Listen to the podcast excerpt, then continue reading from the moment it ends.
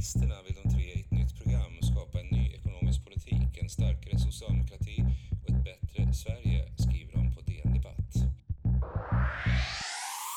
Det är det 23 avsnittet av Reformistpodden och jag heter Linn Svansbo och med mig är som vanligt Sara Karlsson. Hej Sara! Guten Morgen! Guten Morgen! Just det, bra start! ja. Det är snudd på all tyska jag kan. Ja, eh, samma här faktiskt. Det, det är mycket begränsat. Det är mycket begränsat. Och trots det ska vi nu ta oss an utmaningen grotta ner oss lite i det faktum Ja, att det är precis. val i Tyskland snart. Precis, nu på söndag den 26 september går tyskarna till valurnorna. Mm. Eh, och det spelar ju såklart väldigt stor roll för Tyskland, men också för EU och eh, Sverige. Mm. Så därför tänkte vi grotta ner oss lite i det. Men du, förutom att du inte är så bra på tyska, vad, vad har du för relation till Tyskland? Alltså, inte så himla... eh, inte så himla djup relation. Jag har varit i Tyskland några gånger. Jag har varit på utbytesresa där när jag gick i högstadiet. Bodde... Ja, som språk? Ja, typ. Utbyte. Fast jag läste inte tyska. Så det var nog bara att man fick åka till Tyskland och bo i en värdfamilj. Så jag bodde hos en tjej som hette Fredrike och hennes mamma Mm. i ett stort hus. Och eh, tjuvdrack eh, champagne. Förlåt mamma och pappa. Fast jag var typ 15, 16. Ja. Ja.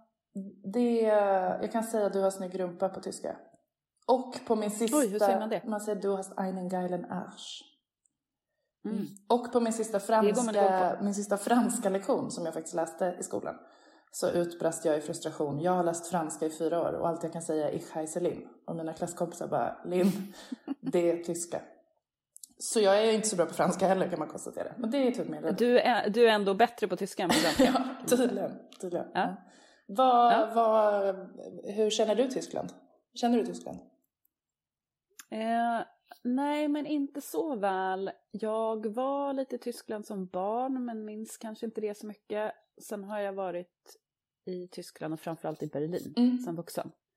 Både privat eh, och i tjänst när jag var riksdagsledamot.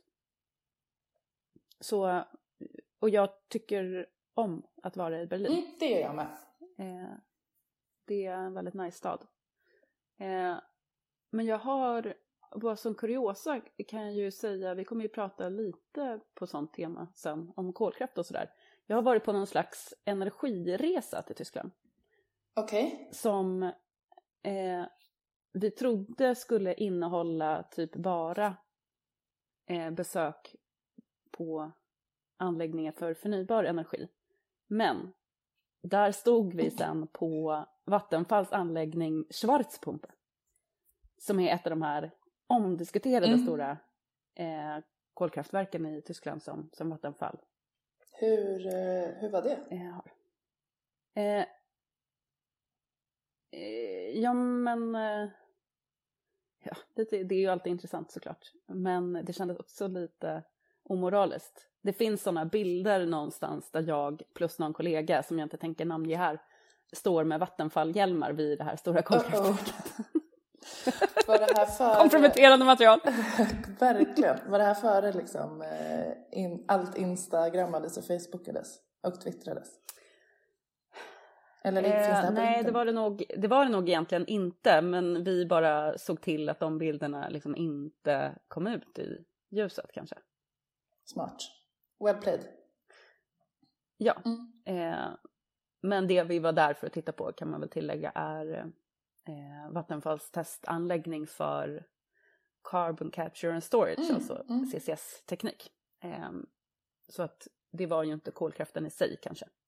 Eh, men vi fick också då eh, träffa eh, politiker eh, från Brandenburg Mm. som är liksom en del av gamla eh, Östtyskland.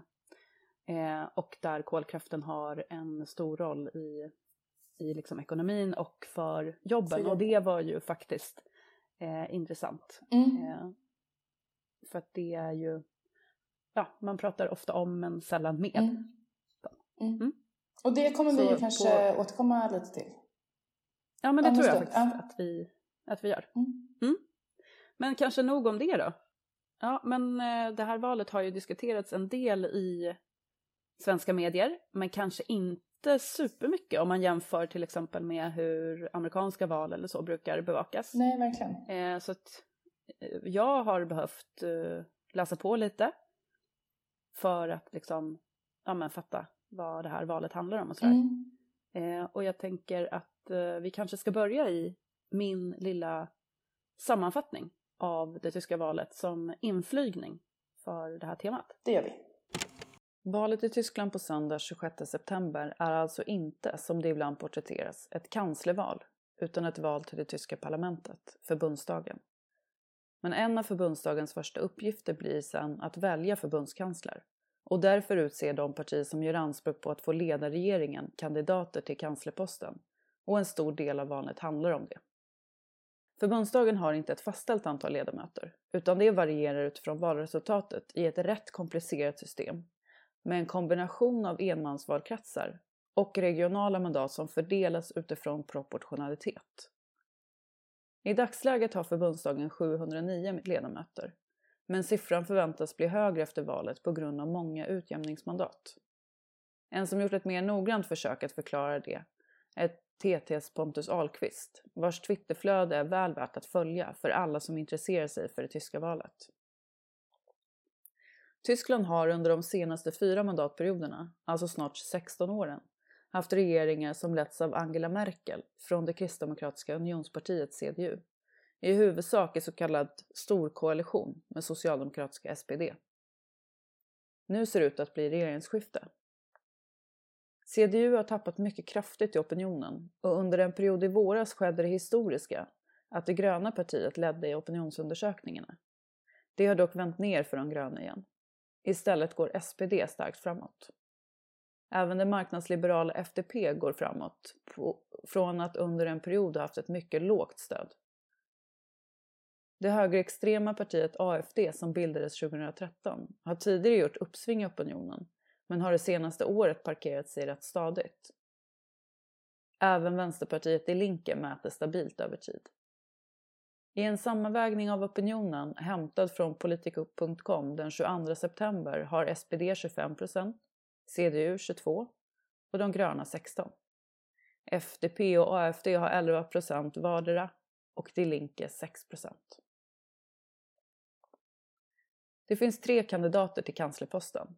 Det är CDUs Armin Laschet, som idag är ministerpresident och leder delstatsregeringen i Nordrhein-Westfalen som är den till folkmängd största delstaten i Tyskland.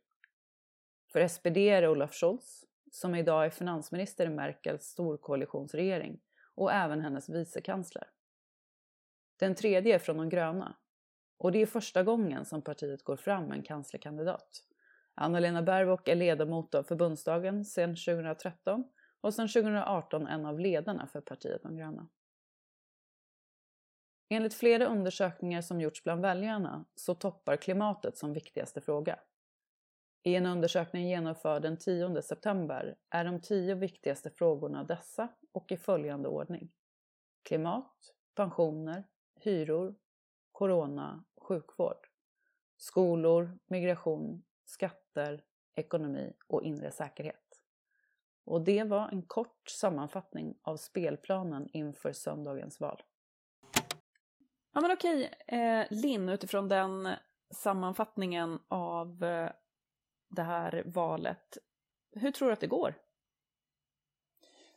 Jag tror och hoppas såklart att det går bra för SPD. Eh, och att det blir ytterligare ja, men ett bevis på, vi återkommer till det kanske lite när vi ska liksom grotta i varför vi tror att det ska gå som det går.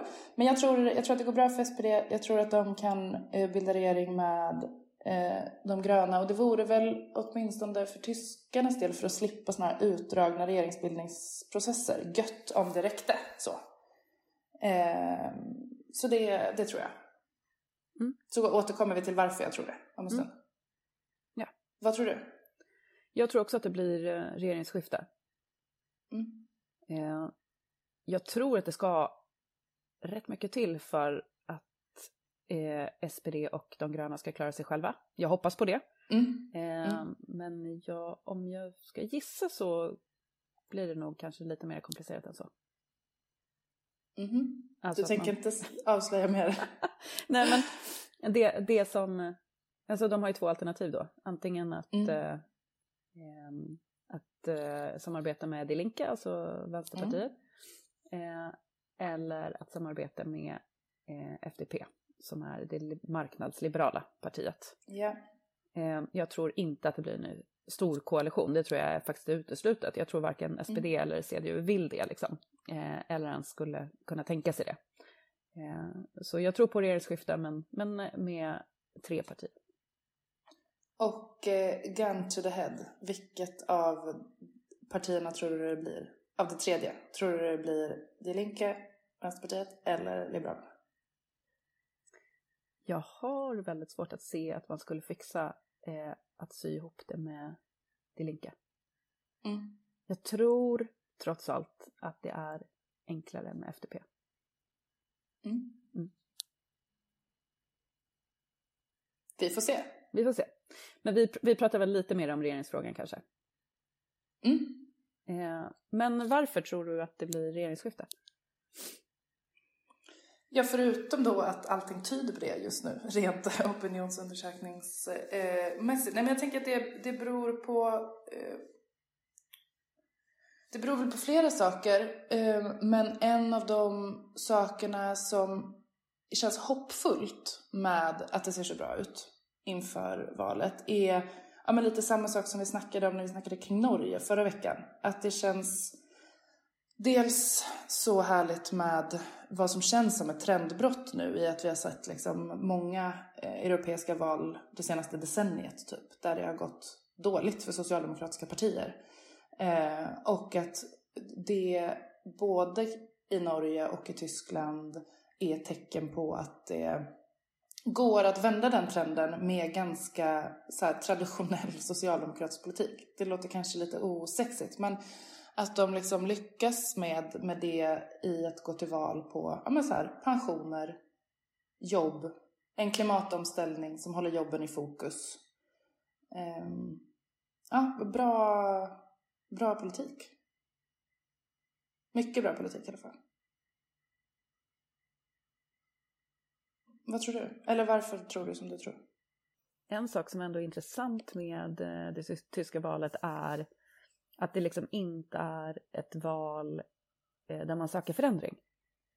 Mm. Utan att väldigt mycket av valet liksom utgår ifrån att eh, eh, utifrån liksom Merkels eh, legacy och eh, vem som är bäst på att värna det. Eh, Mm. Och vem som är mest som Merkel. Mm. Och där ju då SPDs kanslerkandidat Olaf Scholz eh, verkar vara liksom den Mest som lik. bäst kan, kan föra hennes legacy vidare. Jag tänker att det, det är liksom dels är knutet till att han är finansminister i hennes eh, regering.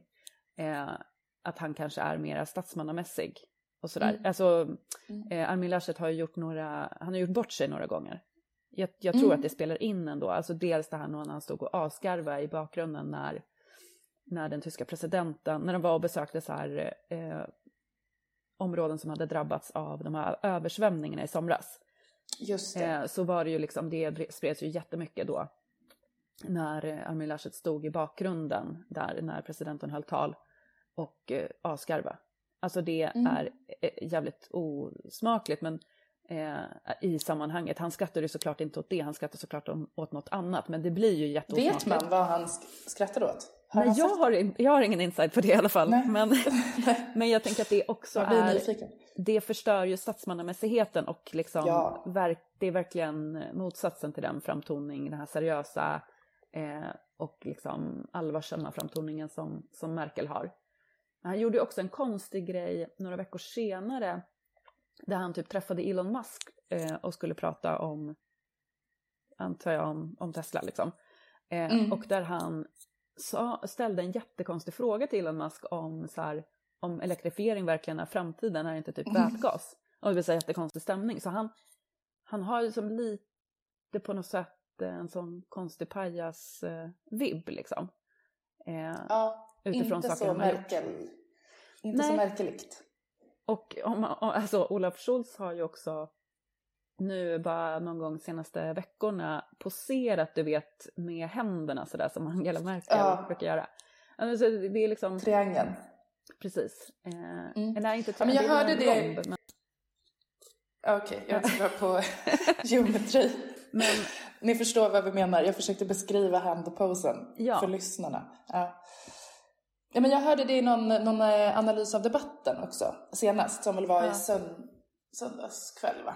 Ja men att det var någon ehm, tysk eh, eh, liksom, expertkommentator kanske det inte heter om man inte pratar sport men politisk expertkommentator som eh, sa det också att man har liksom gjort bedömningen eller bedömningarna utifrån vem som har vunnit eller inte vunnit debatterna väldigt mycket baserat på vem som har liksom visat sig mest som hennes efterträdare. ja. Liksom. Ja, men, och det, jag tänker att det är intressant i sig att efter så lång tid med en ledare eh, Mm. att man inte söker förändring utan Något att man annat, söker eh, samma. Eh, det är liksom spännande i sig och det är ju ändå lite kul då att det som, det som man tänkte skulle ligga Olaf Scholz i fatet, att han är liksom lite trist och så här lite robotaktig, som har gjort att han Mm. har fått öknamnet Der Scholzomat, alltså som, som en robot eller maskin Ja. det har blivit hans styrka liksom, i de här debatterna. Men, så, men jag tror ju att det är den grejen, men parat med att eh, det finns politisk konflikt till SPDs fördel i några av de viktigaste frågorna. Det som är den Mm. viktigaste frågan då, som sagt, klimat, finns det ju i sig inte sån liksom, stark konflikt mellan SPD och CDU gällande så här, tidpunkt för omställningen och sådär. Men däremot så just den traditionella socialdemokratiska politiken och arbetarrörelsens liksom take på klimatfrågan att, eh, att det ska vara en omställning som också är rättvis och där man eh, liksom hjälper människor vidare i de områden där kolkraften till exempel är stark och sådär. Gör ju att väljare som går från CDU inte går till brunhögern utan snarare går till SPD. Det finns Mm. liksom opinionsundersökningar från Brandenburg till exempel som, som visar på det. Men också de andra frågorna som rör liksom pensioner och eh, bostadshyror som är viktiga Mm. för väljarna eh, är ju frågor där SPD går fram med, eh, med liksom politik och går fram i kon- konflikt. Så så här, eh, det är liksom både att han då är nog är bäst på eh, att föra Merkels legacy vidare men samtidigt också kan fylla eh, den stabiliteten med förbättringar för vanligt folk. Mm. Alltså det, att det blir också en vinnande kombination för, eh, för SPD men ju också såklart kommer vara bra för det tyska samhället. Tycker Ja. vi då som socialdemokrater såklart. Tycker vi som är sossar. Skräll. Ja, mycket stor skräll. Ja, och det är, det är ju svinbra i rent politiskt resultat men jag tycker också att det känns så hoppfullt liksom inför Mm. vår val, eller för liksom hur vindarna blåser typ generellt. Om man nu vågar säga att de blåser så efter, efter Norge och, och Tyskland. Men att det, det finns ändå en Ja men här får vi lite bevis på att det inte bara är eh, att alla drar sig till det bruna alternativet eller det högerextrema alternativet när man är eh, Ja, det, det finns helt enkelt politik att presentera som uppenbarligen kan vinna tillbaka den eh, gruppen väljarnas förtroende för de socialdemokratiska lösningarna. Och jag tycker att det känns väldigt hoppfullt att vi har lite att spana efter i både SPD och Arbeiderpartiet förra veckan kan man ju Just hoppas att vi gör. Ja, men precis. Jo, men och jag tänker att det, det, liksom, det kommer ju, de, de diskussionerna kommer ju att spela över på eh, den svenska socialdemokratins liksom, eh, tankar och valstrategi inför, inför valet nästa år eh, kring hur man hanterar klimatfrågan. Eh, alltså att man, Mm. att man i andra länder har lyckats ta det från att inte bara vara en, en moralfråga eller liksom, eh, en miljöfråga utan en samhällsbyggnationsfråga. Samhälls- Eh, ja, ja. För Och det här är handlar ju om hela samhällsbygget. Liksom. Ja, exakt. Och på samhällsbygge är ju vi bäst Ja, som liksom politisk kraft. Det precis. Det tycker liksom- vi också då. Stjärnstopp. förvånande. Men stjärnstopp. Nej men, men jag tänker att det verkligen är så vi ska ta oss an det som socialdemokrater, som just en samhällsbyggnadsfråga det är. För där litar ju människor på oss. Ja. Där har vi bra politiska lösningar. Mm. Liksom. Ja, Och jag, jag tänker, jag vet att jag eh, sa det förra veckan också, men, men apropå den norska valrörelsen, men jag hörde en annan jättebra podd, eh, en Reformistpodden igår, eh, eh som heter Skockonomics, där Ali Esbati medverkade om Norge. Och han pratade också mycket om, eh, nu är det lite parentes från Tyskland, men apropå liksom vad vi tar med oss kring, kring det här med klimatet och liksom vår egen valrörelse, att eh, där har ju eh, kanske inte Ar eh, Arbeiderpartiet lyckats med att kanalisera de väljargrupperna som är ehm, som vi behöver vinna. Eh, men däremot så har liksom Centern en annan roll i Norge som är väldigt intressant jämfört med den svenska kontexten. Att de är mer ett traditionellt bondeparti och har lyckats eh, ta hand om liksom, landsbygds folk som bor i glesbygd och landsbygd på ett helt Mm. annat sätt för att man har behållit det fördelningspolitiska perspektivet. Alltså inte blivit ultra-nyliberala som våra centerpartister har blivit, utan tvärtom. Nej, precis. hållit ett ganska så här, traditionellt fördelningspolitiskt perspektiv vad gäller Mm. liksom, storstad kontra landsbygd, glesbygd. Eh, De har behållit, om man ska, om man ska liksom eh, klä det i eh, Pajamolas eh, eh, liksom tanke om det här med idé och intresse, det är inte bara han som Mm. har tänkt så, men jag tänker vi pratade om det i vår sommarserie, mm, mm. så det är ju jättestor skillnad där då det svenska Centerpartiet nästan helt har slutat vara intresseparti för, för bönderna och blivit ett idéparti som liberalt parti. Mm. Eh, Det har Mm. det norska Centerpartiet, de har inte alls gjort den resan. Eh, Nej. utan står ju kvar väldigt starkt som ett intresseparti för, för landsbygd. Liksom. Exakt. Och det jag tänker att, att vi lär oss av det, det är dels att eh, vi inte ska göra det som Arbeiderpartiet har gjort, nämligen misslyckats med eh, hela landet-fokuset. Liksom. Det har blivit en del, en väldigt så här, stark del av ja, men urbaniseringstrenden och centraliseringstrenden till Oslo liksom, eh, och storstäderna och därmed tappat mycket potentiella väljare i andra delar av, av eh, Norge. Men det som är positivt med då kombinationen Norge och nu liksom följer det tyska valet är ju att det är liksom inte en sanning att det här med liksom LO-väljarna går till SD. Mm. Om man presenterar politik som arbetarklassen tror på och vill ha. Liksom. Just det. Ja, det är hoppfullt. Men du, ska Mm, vi jag återvända till, eh, till tyska, äh, tyska valet? Ja, förlåt. Ja, nej, det är helt okej. Eh, det, saker hänger ihop i omvärlden. Mm. Det måste man också få prata om. Men, eh, men jag tänker på eh, regeringsfrågan. Alltså för, för det Mm. finns ju olika saker som är intressant med, med den i, nu i tyska valet.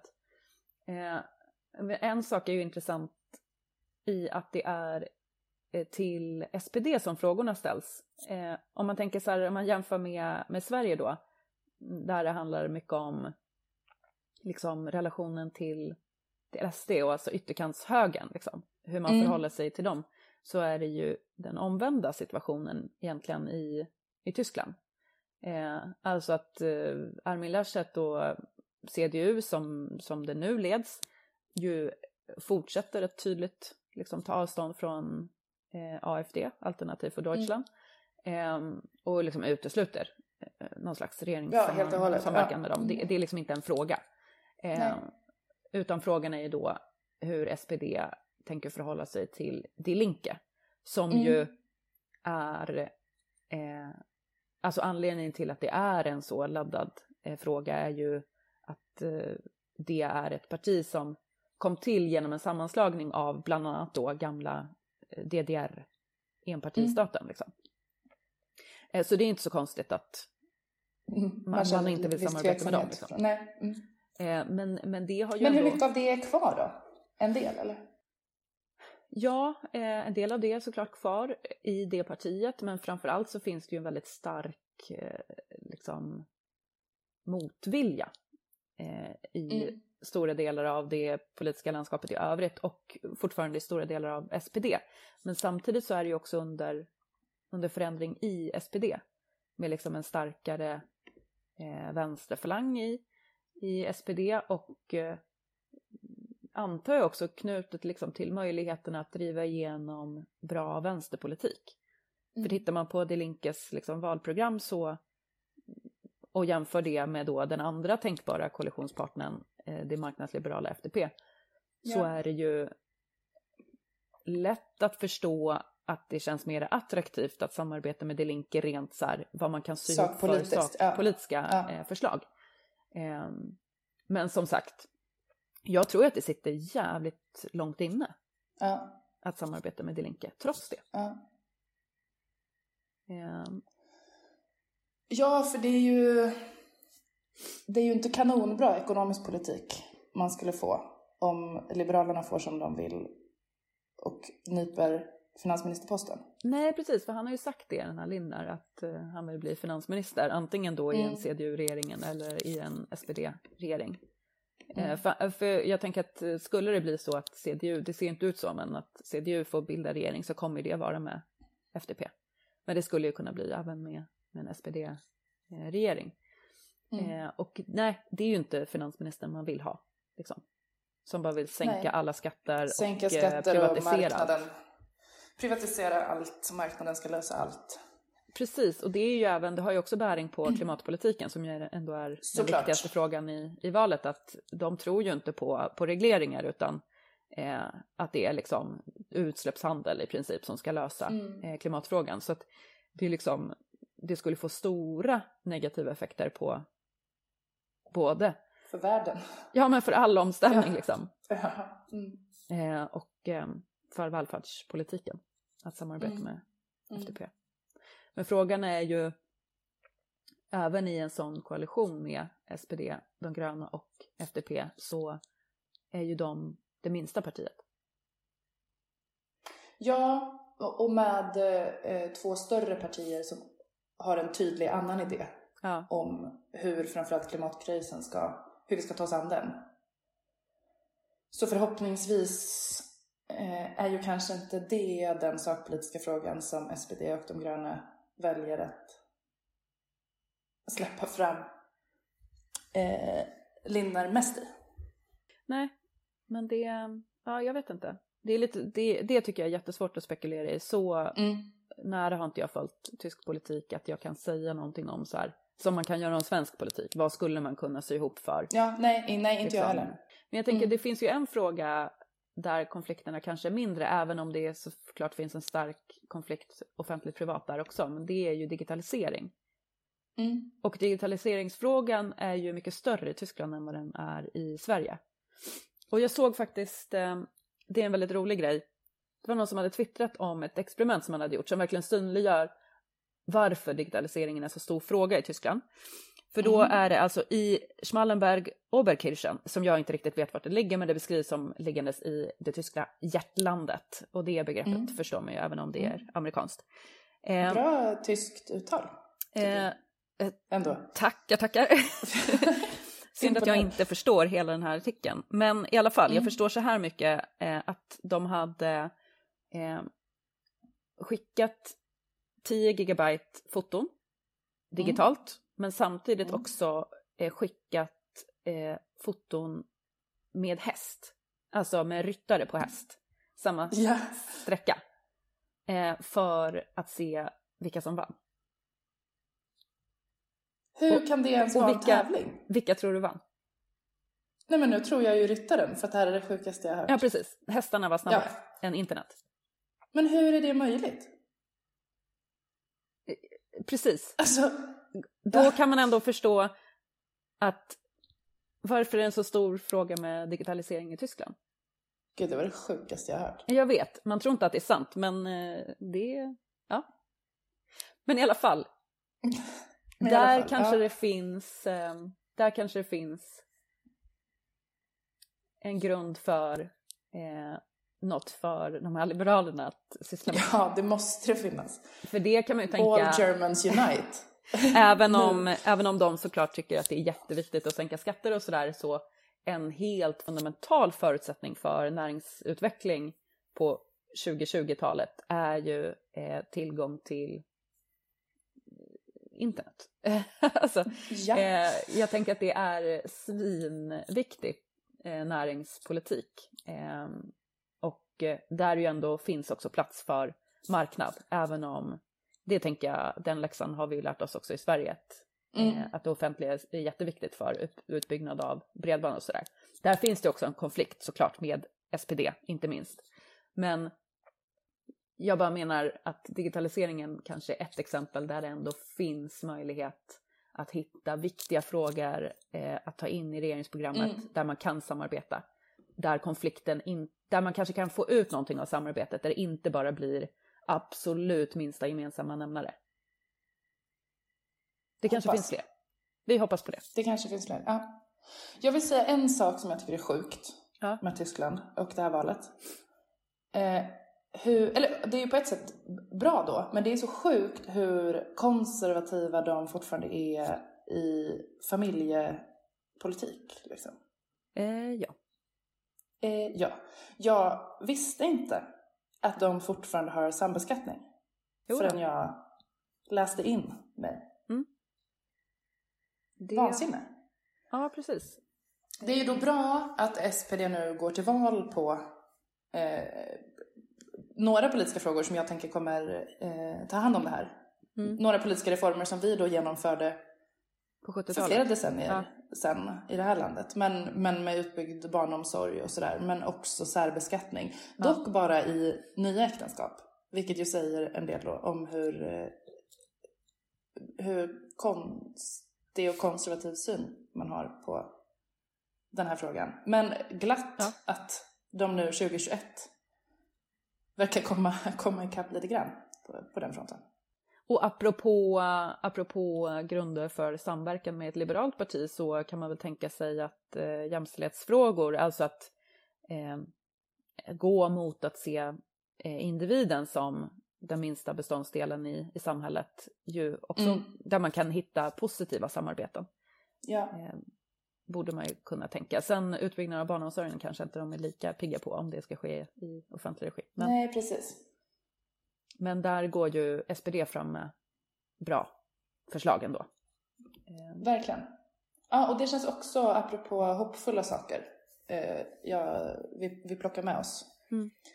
Det känns eh, hoppfullt om än lite sent påtänkt. Men, men gött att den typen av eh, reformer är, tycks vara peppar peppar ta i trä. Mm. Valvinnande. Yes. Men du, en fråga som jag tänker kommer bli jätteviktig efter valet Mm. är vilken roll som Tyskland kommer att spela fortsatt i EU. Mm. För Tyskland är ju jätteviktigt för EU-samarbetet. Väldigt. Ja. Eh, och efter att Storbritannien lämnar så liksom ökar ju också Tysklands eh, Mm. viktiga roll. Eh, Mm. På, på gott och ont. Kan man väl säga. Eh, alltså att eh, Storbritannien ju agerade motvikt mot Tyskland i en del ekonomisk politik och sådär. Eh, men, men Tyskland har ju en väldigt bra de, alltså Tyskland är ju ändå pådrivande kring liksom, energi och klimatfrågor. Så att, Ja. Ja. men eh, tror du att, eh, att Tysklands roll kommer ändras? Beroende på liksom vem som... Eller tror du att det kommer bli olika utfall beroende på om det blir Laschet eller Scholz som blir kansler? Ja, inte minst i klimatfrågan, tänker jag. Eh, att det blir skillnad. Alltså, även om Laschet liksom kanske jämfört med våra kristdemokrater tycks ha en mer liksom eh, Ja, de har ju som sagt samma slutdatum som Mm. SPD på klimatneutralitet och sådär. Men, men en regering ledd av socialdemokrater i koalition med eh, det gröna partiet i, i, i Tyskland som också har, ja men de, de gillar ju eh, EU som liksom, de, de driver ju den, den frågan att EU ska ha, ja men mer så överstatlighet i de frågorna och Mm. eh, mycket till, till EU-nivå. Ehm, och det är, väl, det är väl bra om de fortsätter vara en progressiv kraft i de frågorna och om de nu får en regering som är ännu bättre än vad de har varit så... Mm. så ehm, men det beror väl också på hur... Ja, eh, men, men ja, det tror jag att de kan få i klimatfrågan. Jag tror alltså, eh, det, jag vet att eh, i den tyska debatten så har ju eh, CDU varnat för att eh, Olof Scholz har en idé om ett socialt Europa och att det är, kommer förstöra allt. Typ. Ja. Eh, jag tror att det är en kraftig överdrift. eh, jag tror att det Jag känner mig inte jätteskrämd. Nej, eh, nej, och jag tror inte heller att eh, eh, jag tror inte att det är så dramatiska liksom, federalistiska saker som, som Olof Scholz tänker sig, utan det är ju snarare handlar om betoningar och eh, ja, delvis också vilka frågor man jobbar med och eh, hur man genomför olika projekt i, i EU och sådär. Eh, alltså att typ eh, hur man ser på investeringar, att de ska eh, liksom också eh, in, inrymma en social dimension och sådär.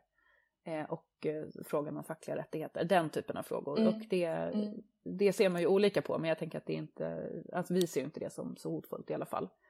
Ehm, men något som man kan fundera lite över, det är ju liksom både med Olaf Scholz och med Armin Laschet som eh, kansler är ju den ekonomiska politiken. Mm. Eh, och EUs liksom stabilitetspakt och eh, alltså den, ja men det som vi som förening ser som en tvångströja på Mm. alla EUs ekonomier. Och där, eh, det är ju en sån fråga där de för eh, Merkels arv vidare och båda Mm. har en ganska hård inställning till hur man ser på, på den här skuldbromsen.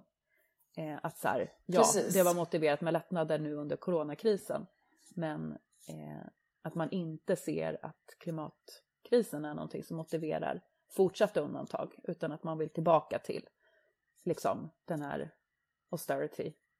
austerity-politiken som man hade innan, Mm. Mm. så snart som möjligt. Ehm, och det är ju ett hot.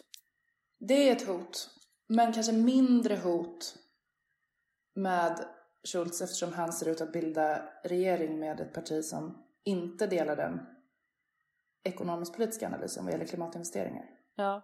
Det skulle ju för sig även eh, Laschet kunna göra, bilda regering med, med de gröna. Ja. Eh, så. Men det är väl också Nej, det det, väl- som är, det är ju det som är problemet med Angela Merkels arv, Arv, ja. tänker jag. Eh, att eh, hon väldigt, jag menar, hennes arv handlar ju väldigt mycket om det här liksom, återhållsamhet, eh, Mm. stramhet, stabilitet. Eh, Mm. men på bekostnad då av eh, progressivitet och eh, liksom framsynthet. Som det Ja, blir jag när man inte Jag gör... tycker att det är de märkligt som att det... Jag tycker att det är märkligt att det fortfarande är en hållning som funkar i Tyskland efter den här sommaren. Mm. Och allt som har drabbat dem eh, den här sommaren vad gäller klimatförändringar. Liksom förändringar. jag tänker att det borde finnas en öppning för en mycket mindre restriktiv ekonomisk-politisk hållning när det gäller klimatomställning. Ja, samtidigt, de har ju liksom i energipolitiken så har ju de under ganska många år nu blåst på med sitt energivände. Där man ju Ja. har verkligen så öppnat plånboken eh, för att ställa om energisektorn. Eh, och där, ja men nu är ju prognosen att kolkraften är utfasad 2038. Det Mm. skulle ju kunna gå snabbare, vilket ju de gröna vill såklart. Eh, men jag menar, de har ju ändå blåst på där. Eh, men just kring liksom eh, synen då på liksom skuldsättning och finansiell Mm. stabilitet så är de ju väldigt hårda. Jag läste liksom en, en intressant artikel, fan det här borde jag ha kollat upp, jag kanske kan länka det i på något sätt sen. Eh, Mm. Men om att, eh, att det liksom, det handlar ju väldigt mycket om eh, arvet från andra världskriget, som så mycket gör i Tyskland. Eh, Ja. Eh, men att man, att man tänker att det var liksom skulderna eh, som drev landet mot en katastrof eh, som det innebar med liksom, nazisternas maktövertagande och hela den grejen. Eh, men där ju liksom vi snarare ser, och många andra, eh, även många ekonomer, eh, ju har den motsatta synen, att det var eh, liksom underfinansieringen och som, gjorde, som svalt ut liksom, folk Mm. som gjorde eh, att antidemokrater kunde ta, ta makten. Mm. Men det, det är ju liksom också en, en strid om verklighetsbeskrivningen och historieskrivningen som, som man behöver vinna för Mm. att rubba Tyskland. Ja, verkligen. Men då kanske vi inte kan förvänta oss någon förändring på den fronten efter det här valet i Tyskland. Eftersom de nu är så bestämda med det, båda, Ah, båda inte. man, ska, kandidaterna. man ska aldrig säga aldrig, tänker jag. Alltså vi fortsätter göra vårt för att Vi prove them wrong vårt. här hemma. Eh, och Men jag tänker apropå EU-spaningen nu, Ja. som vi var inne på, så kanske man kan förvänta sig eh, samma Angela Merkel-ligga. Man kan inte säga Merkel-ligga, det låter som jag säger Merkel. Ja. Men den Mer- Merkel-hållning på åt, eh, liksom stabilitet och åtstramade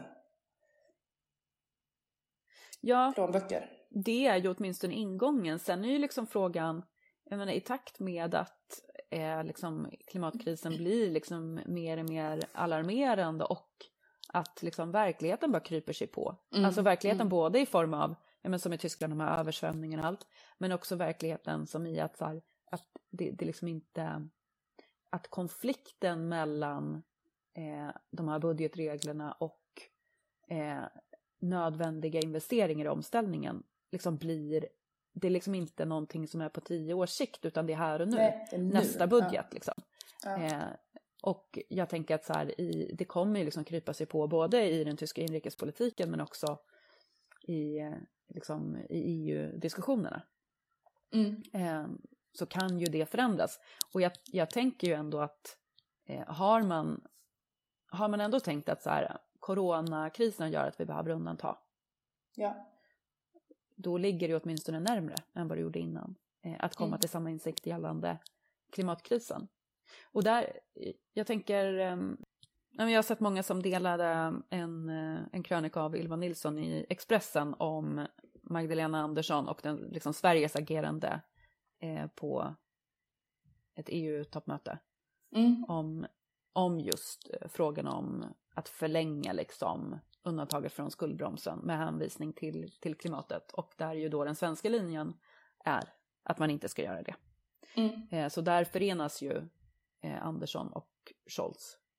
Men jag tänker att även i, även i Sverige så kommer ju den här diskussionen sannolikt att, att förändras. Det, det sker ju ändå någonting Ja, det Alltså, händer väl. jag blir inte förvånad att det är den nuvarande svenska linjen. Det Nej. finns ju inte riktigt utrymme heller för Magdalena Andersson just nu att Nej. inta en annan linje. Jag menar, hon behöver ju ha ett mandat från EU-nämnden för det hon driver. Eh, men jag skulle inte bli förvånad om den svenska socialdemokratin och Magdalena Andersson då eh, vid ett senare tillfälle faktiskt söker det mandatet. Jag, jag tror att den Nej. förändringen är på väg att ske. Eh, och sen är det kanske inte så att det kommer ske i den ordningen att så här, Sverige fattar det beslutet och så följer Tyskland med. Nej, kanske inte. Den rollen kanske vi inte kommer spela, men det kanske ändå kommer ske liksom parallellt. Ja, och man kan ju tänka sig, eh, eller hoppas på, att motsvarande eh, reformistpodd, eller reformister i Tyskland, Ja, gör samma spaning om sitt eget socialdemokratiska parti, som du och jag känner av här hemma. Just det. Och där kan man väl ändå säga att i SPD under senare år så har man ju också kunnat se liksom ökade krav på eh, att ta steg åt vänster. Mm. Eh, och det är ju såklart liksom ekonomisk politik, välfärdspolitik Mm. där, precis som här. Eh, Mm. Så att eh, det såklart finns ju en intern debatt att ta hänsyn till även för Scholz.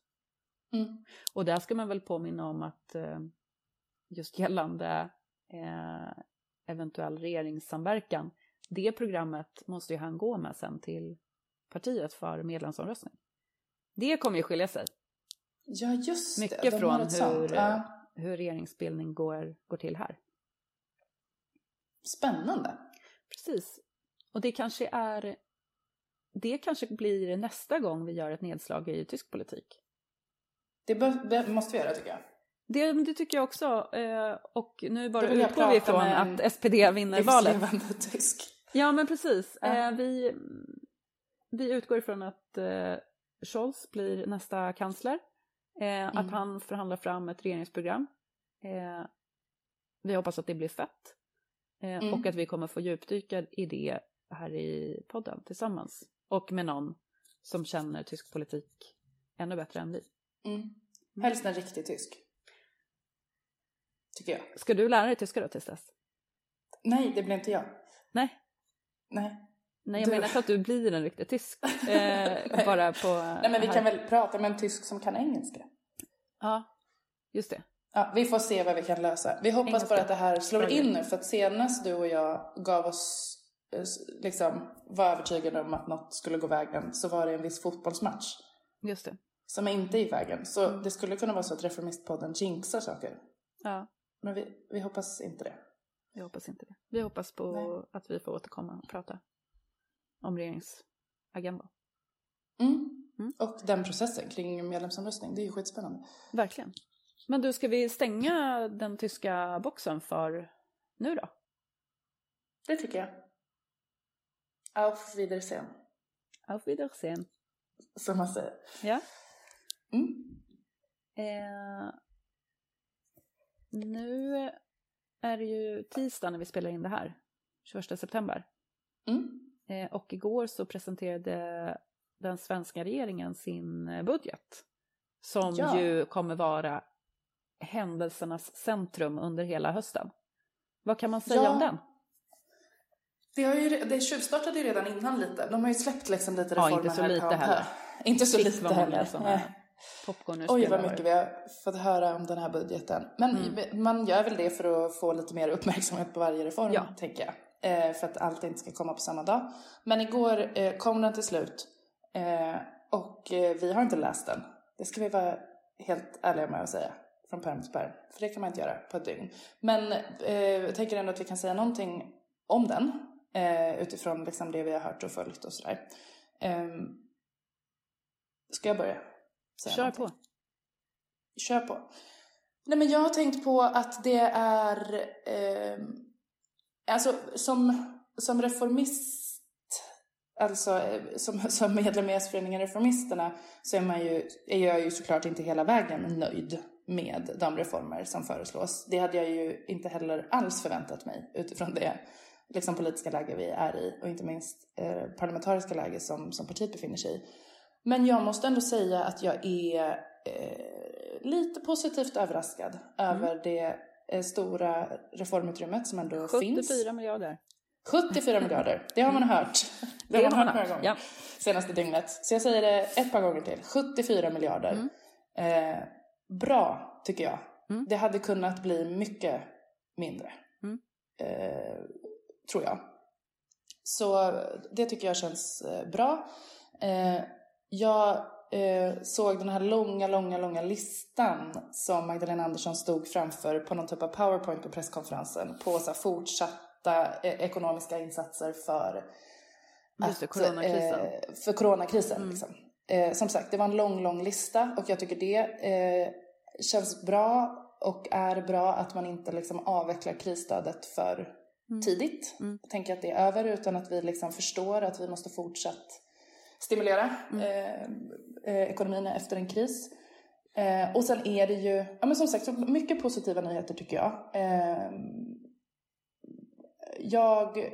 Sen är det ju också liksom tydligt att det är en budget som är liksom en liten mix av att Centerpartiet har varit med och Mm. vi behöver Vs stöd och alltså ideologiskt lite spretande. Ja. Eh, så. Att det finns både, det är liksom eh, eh, sänkningar av inkomstskatt och höjd garantipension. Typ. Mm. Eller det är liksom lite så, tydlig, tydligt gott och blandat helt Ja. enkelt.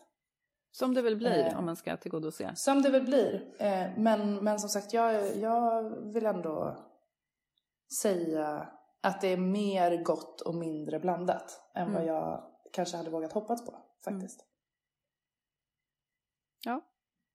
Familjeveckan kom. Familjeveckan kom. Som vi ju gick till val på 2018. Exakt. Eh, Den har ju blivit ganska hånad både tidigare men också nu igår. Såg Ja. jag. Eh, Att det är liksom politik som ingen efterfrågar och som ingen behöver. Och till och med en del som då liksom på något sätt försöker få det till någon sån medelklasspolitik. Vilket det ju verkligen inte är. Nej, alltså är det, det några som kan taktik. Flexa och ta med ungarna till kontoret eller jobba hemifrån om det är en studiedag så är det ju vi tjänstemän Ja, som eh, tjänar pengar. liksom. Ja men precis. Det är ju verkligen en, och det kan man ju tänka, eh, liksom den skillnaden har ju blivit ännu mer uppenbar under coronakrisen. Verkligen. Alltså skillnaden mellan oss som då har den typen av flexibla jobb eh, och de som inte har det i förutsättningar att, så här, men att vara hemma om man har lite Mm. symptom och sådär. Mm. Ehm, men jag menar, det, det som ofta uppstår i vardagen är ju också saker som är knutna till barns aktiviteter, planeringsdagar, ATPn och sådär Mm. på förskola och skola. Eh, där ju den skillnaden liksom är jättetydlig, men som vi ju sällan pratar om. Eh, så att jag tänker att så här, familjeveckan kommer ju som en, ganska naturlig också förlängning på att den skillnaden har blivit så pass tydliggjord Verkligen. senaste ett och ett halvt året.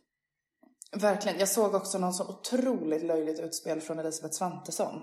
Mm. Moderaternas ekonomisk-politiska talesperson slash finansministerkandidat om det. Eller det var bara någon så, dels sa hon det ju i debatten men citatet Mm. i rubriken var så. Är familjevecka svaret till dem vars barn skjutits ihjäl? Ja, det är ju ett konstigt sätt att ställa en sån retorisk fråga, men ja.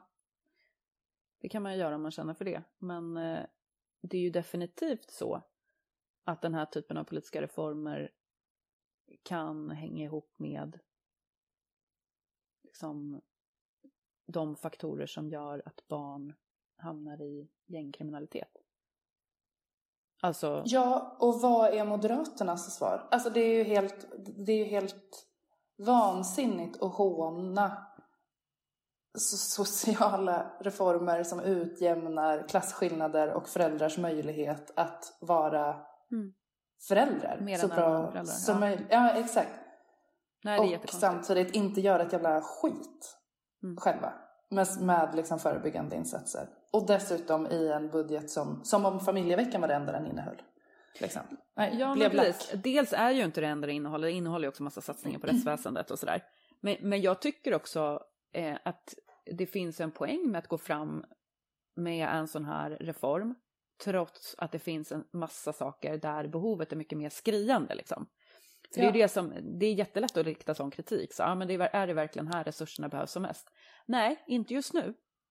Men alla pratar ju jämt om att så här, ja, vi behöver göra det här just nu, men så behöver vi också mer långsiktiga förebyggande, Ja, förebyggande eh, liksom arbete för att eh, liksom färre eh, barn ska växa upp i otrygghet och kunna hamna i, i en kriminalitet och sådär. Men då måste man göra de reformerna också. Ja. Det här är en sån. Och där har ju Moderaterna inga svar.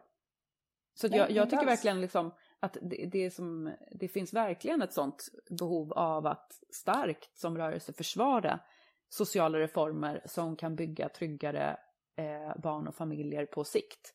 Eh, Ja. Som också svar på, för att underbygga också den argumentationen som vi för och som ju är livsviktig, alltså att eh, det räcker inte med att bara stärka rättsväsendet kortsiktigt utan Nej. vi måste också förebygga. Så eh, liksom framför familjevecka. Ja, jag håller med. Så om reformist, summa summarum, regeringens budget. Om reformisterna hade fått bestämma hade det varit ännu fler miljarder. Ja. Ännu bättre reformer, ännu fler reformer. Ehm, och inte minst av den karaktär som vi pratade om senast. Mm. Men jag vill ändå säga kul med 74 miljarder. Mm. Bra jobbat regeringen utifrån rådande parlamentariskt läge. Ja men det är ändå en bra, en bra skjuts in i valrörelsen nästa år.